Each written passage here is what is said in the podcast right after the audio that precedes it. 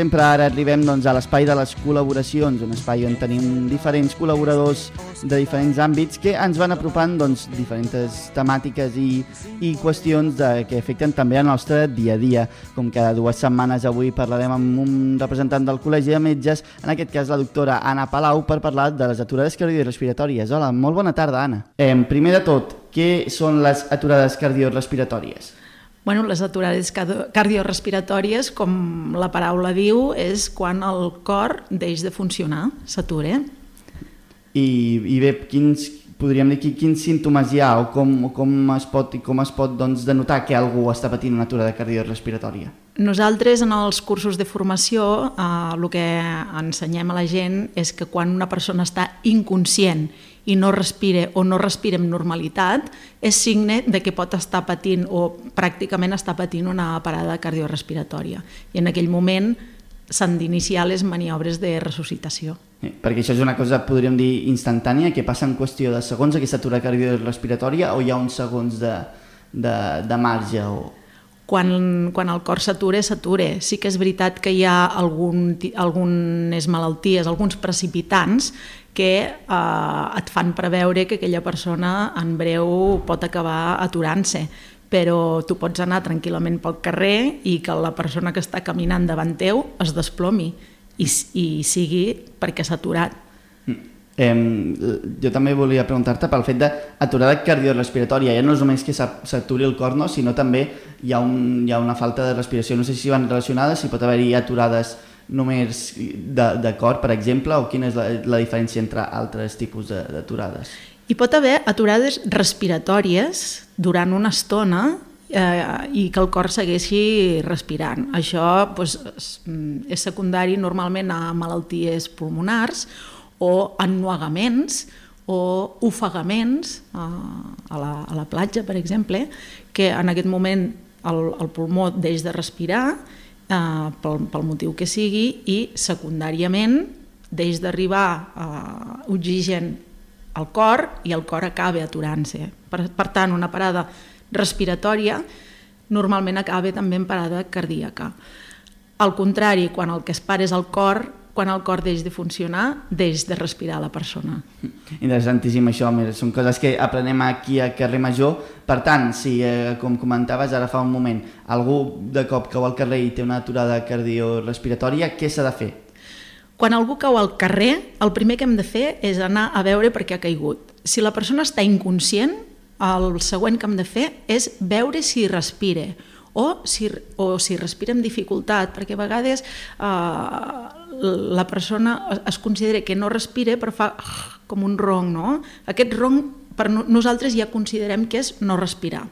Si està inconscient i no respira, el primer, el primer que hem de fer, el primer, primer és alertar els serveis d'emergències, el 112, trucar i avisar que a tal lloc, sobretot localitzar molt bé on, on s'ha produït l'incident, eh, doncs ens hem trobat que hem vist idealment, si ho han vist millor, també pot ser que et trobis la persona i no sàpiguis quan, quan ha patit l'aturada, però eh, doncs alertar d'on estàs, de quina és la situació, estic amb, un, amb una persona que, no, que, que està inconscient i que no respira i eh, necessito que activin el, els serveis mèdics, no? que vingui l'ambulància.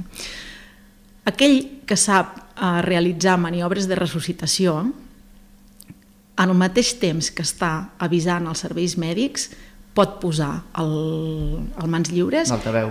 exacte, i iniciar immediatament les compressions toràciques compressions toràciques o altrament dit el massatge cardíac val? per això nosaltres aboguem eh, amb la importància que té que tota la població sàpigui eh, realitzar aquestes maniobres difícilment amb aquestes maniobres revertirem la situació d'aturada o sigui, nosaltres fent massatge cardíac molt difícilment farem que, la que un cor aturat torni, d'acord? Això ho fa el, desfibrilador. Suposo... suposo sí, sí, sí, que és un, és un tema que també s'ha anat tractat bastant, però anem, anem pas a pas primer. Sí. Eh, en el cas d'això, de, de, de, de trucar l'ambulància, i mentrestant doncs, intentar actuar en la mesura de lo possible, no? de, de, aquest, com, com s'ha de fer aquesta compressió toràcica. Es pot, es pot explicar així de manera radiofònica perquè la gent ho pugui, ho pugui entendre? Ho puc intentar, sí.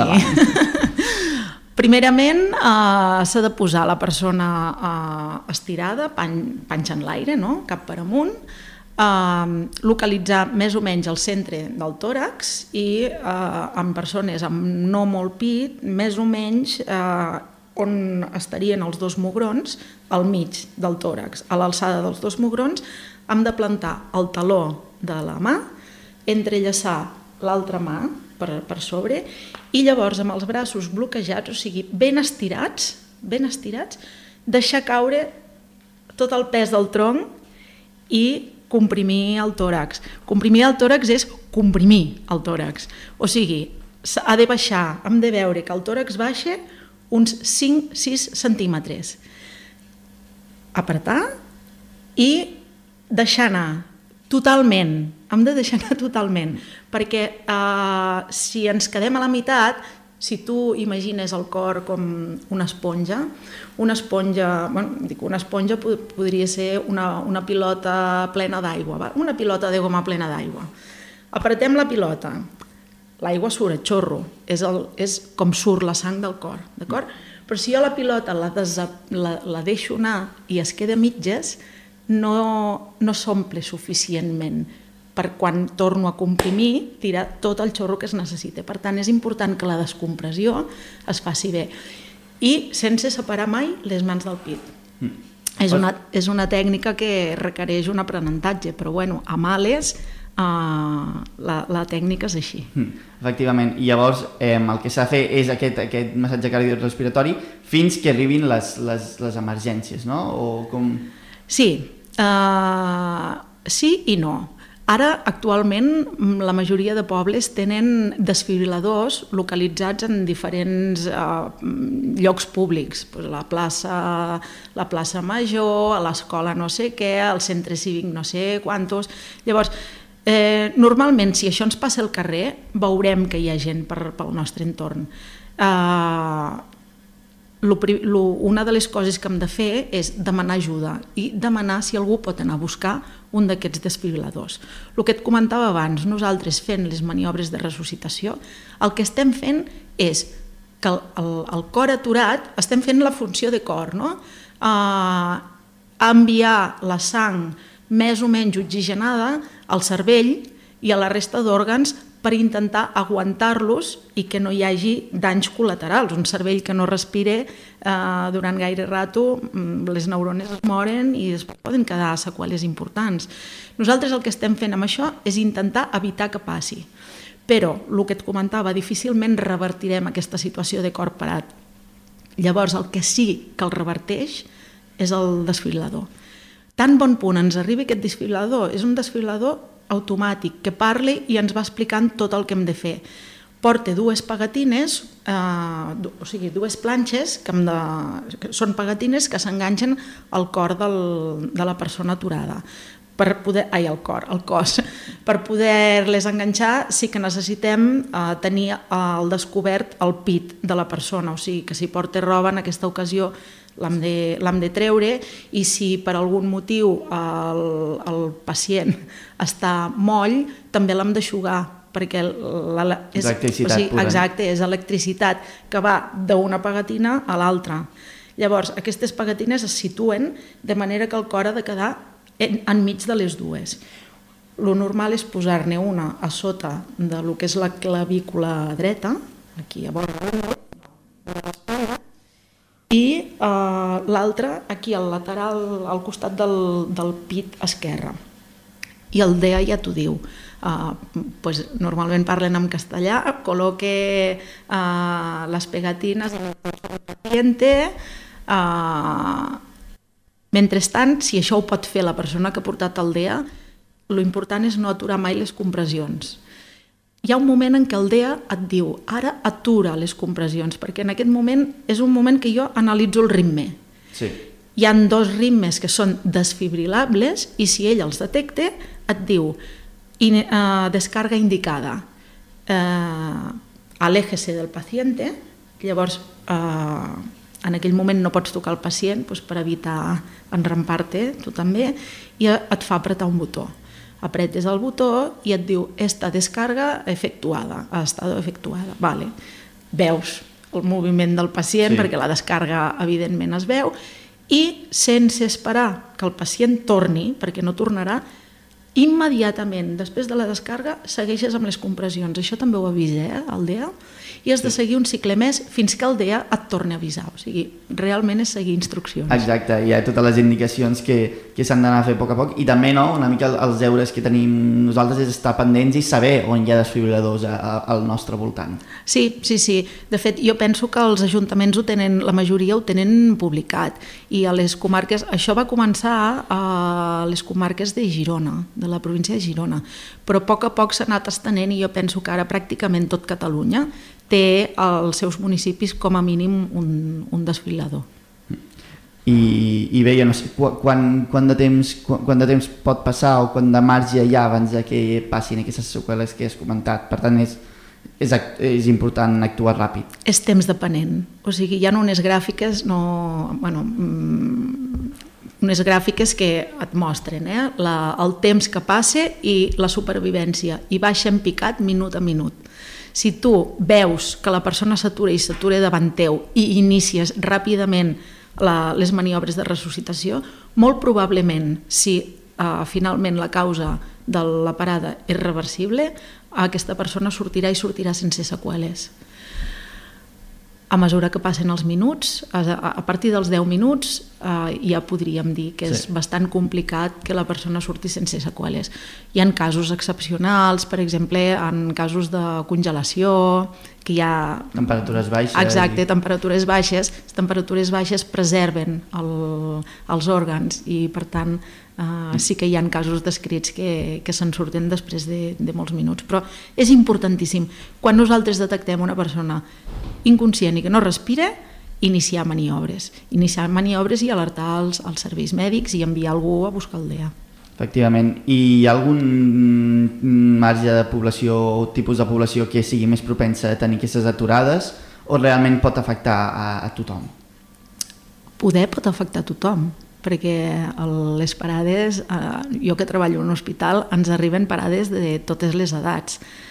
Uh, evidentment, quan és una parada secundària a un, a un infart, per exemple, uh, els infarts són més freqüents en, en població gran, amb gent amb factors de risc, no? pues, uh, hipertensió, hipertensió, colesterol, diabetis, sedentarisme, tabac.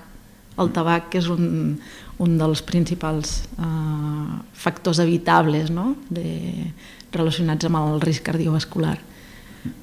En aquest cas sí, però com pots veure, esportistes, eh, criatures, les criatures amb, més freqüentment és per secundària a parada inicialment respiratòria, però també també també es dona.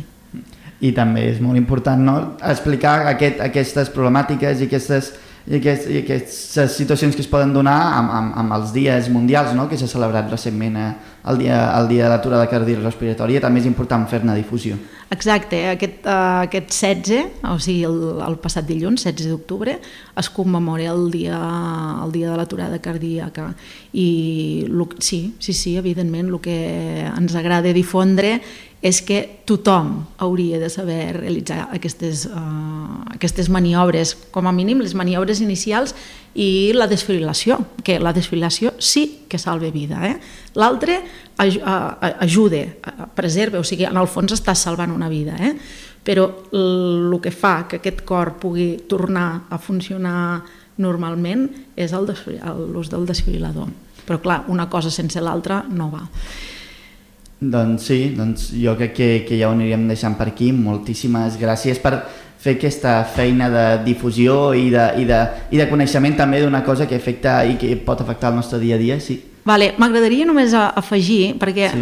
o sigui, en l'àmbit això de la, de la difusió que, que comentes, hi ha un programa a nivell de tot Catalunya, que depèn del Consell Català de Ressuscitació, el CCR, que ne diguem, eh, que el que està mm, intentant és implantar eh, aquest aprenentatge des de les escoles.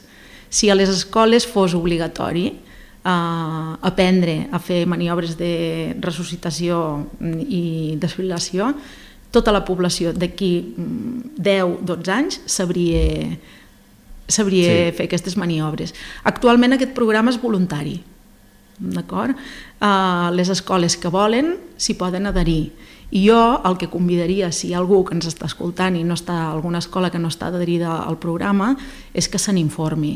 Si no sabeu com fer-ho, o es fa a través del Consell Català de Ressuscitació o si ens truqueu al Col·legi de Metges, nosaltres també us farem arribar la informació. Mm doncs aquí queda també aquesta, aquesta crida, no? aquesta, aquesta doncs, comentari de cara a totes les escoles i l'important també és que tots els nens que en un futur seran adults siguin capaços d'actuar en situacions com aquestes. Exacte. Doncs moltíssimes gràcies, doctora Anna Palau, per venir aquí a Carrer Major a explicar doncs, aquest, aquestes aturades cardiorrespiratòries. Moltes gràcies a vosaltres per l'oportunitat.